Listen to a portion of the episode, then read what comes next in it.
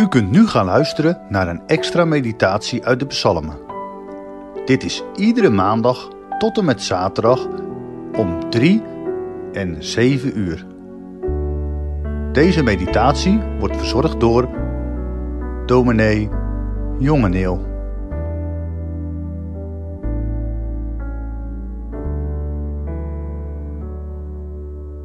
Goedendag luisteraars. De schriftlezing van vandaag is Psalm 117. Ik lees de psalm aan u voor. Loof de Heere alle heidenvolken. Prijs hem alle natieën, want zijn goede tierenheid is machtig over ons. De trouw van de Heere is voor eeuwig. Psalm 117 was onze favoriet vroeger thuis. Als wij eens mochten kiezen wat we uit de Bijbel zouden lezen, dan was de keuze snel gemaakt. Natuurlijk. Psalm 117, lekker kort, zo klaar. De psalm stemde bij voorbaat vrolijk. De hooibuilpsalm, zo heette deze psalm bij ons. Een psalm voor drukke tijden, als alles snel moest, als zelfs voor bijbellezen weinig tijd was. In de kerk zongen de psalm zelden, voor zover ik me althans heugen kan. Daar waren andere favorieten, psalm 25, psalm 42, psalm 84, psalm 116 en zo nog een paar. Dat waren in de kerkdiensten de geliefde psalmen. Psalm 117 zat daar niet bij, waarin niet veranderd is. Ik was al wat ouder toen ik de melodie ontdekte. De melodie van Psalm 117 in ons psalmboek. Psalm 127 is op dezelfde melodie gezet. Een vrolijke melodie is het. Het klinkt bijna stoer en stevig, juichend, uitbundig. Helemaal als je de psalm ritmisch speelt of zingt. Maar ook als je de psalm niet ritmisch zingt, klinkt het als een klok en staat het als een huis. En dan de tekst. Sinds ik die ken, zit die in mijn hoofd, in de berijming van 1773. Vooral die prachtige zinnen. Zijn goedheid is, in nood en dood, voor ons, zijn volk, oneindig groot. Onvergetelijke woorden. Natuurlijk zijn er die deze psalm niet serieus nemen. Ze vinden hem te klein, te kort. En sommige geleerden beweren dat Psalm 117 eigenlijk nog bij Psalm 116 hoort, of bij Psalm 118, of dat het een brokstuk zou zijn van Psalm 148. En diepgaande studie wordt ervan gemaakt om zulke gedachten te kunnen staven. Ondertussen trekt de psalm zich daar niets van aan. Die lijkt rustig te lachen om al die drukte van de schriftgeleerden. Onverstoorbaar blijft deze psalm staan, vrolijk en blij, frank en vrij, gewoon tussen psalm 116 en psalm 118. Gewoon op zichzelf, gewoon op zijn eigen plekje, en daar de naam hooghoudend de kortste psalm te zijn de kortste psalm. Jawel, maar zeg gerust, kort, maar krachtig.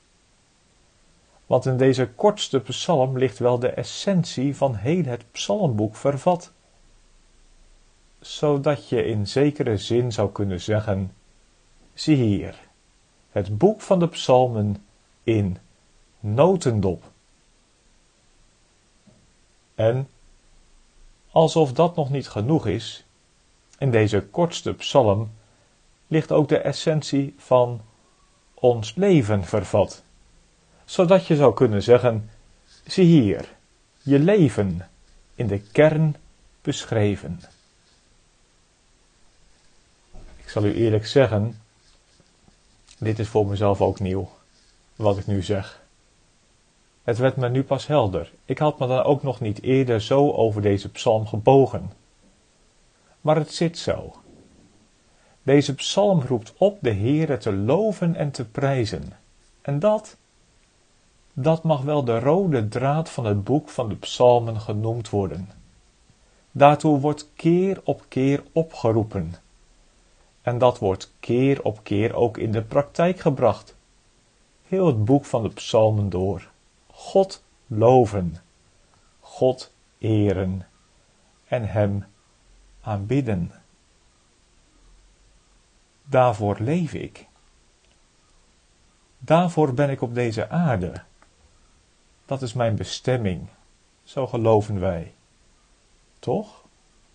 Leven tot eer van God, nu en straks, tot in de eeuwen der eeuwen, want de Heere moet en zal aan zijn eer komen.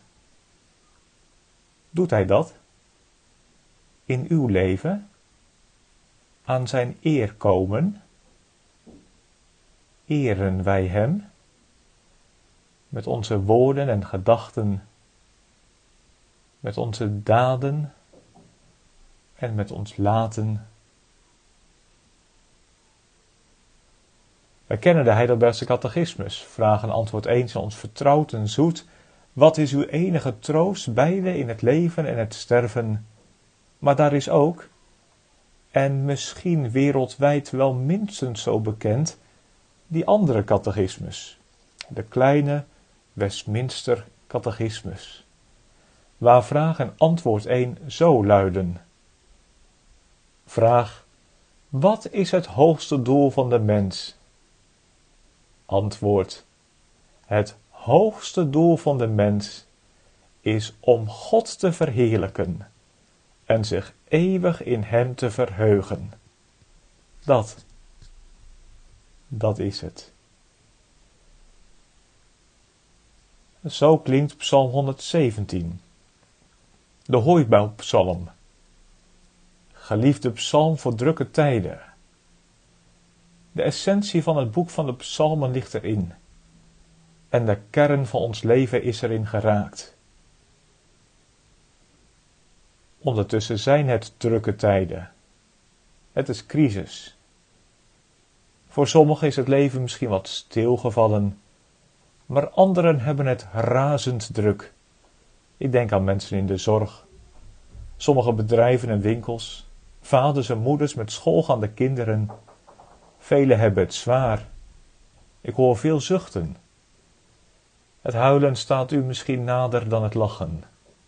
En je bent misschien wel vreselijk moe.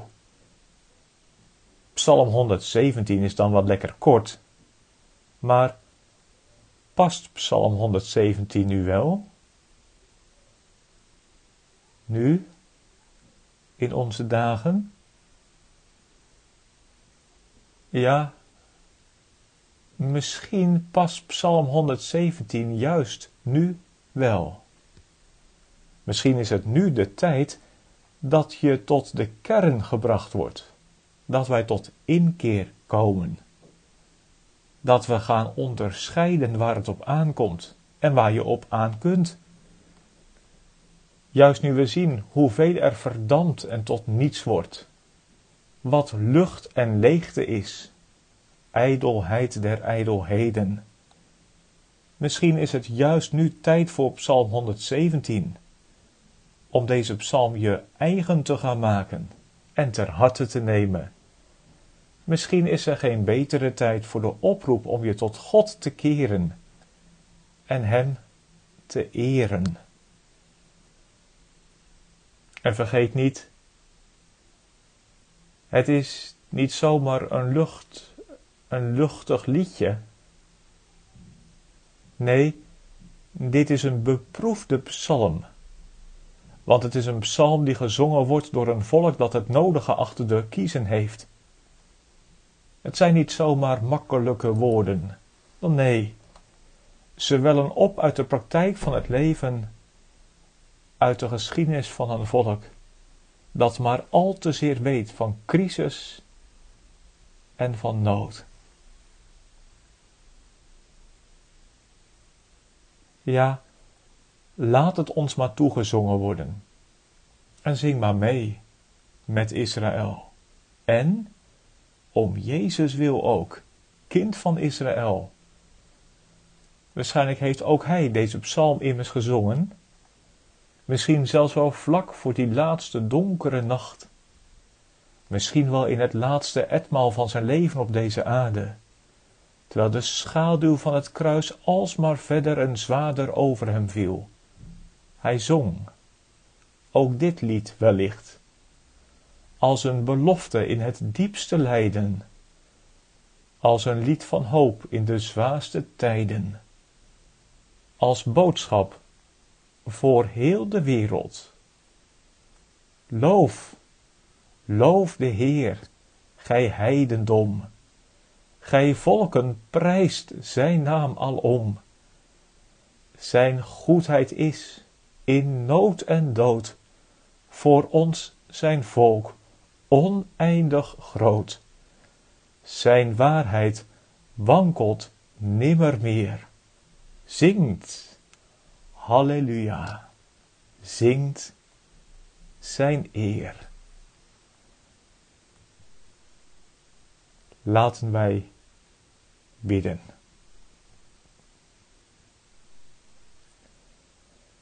Onze Vader, die in de hemelen zijt, uw naam worden geheiligd, uw koninkrijk komen, uw wil geschieden, zoals in de hemel zo ook op de aarde.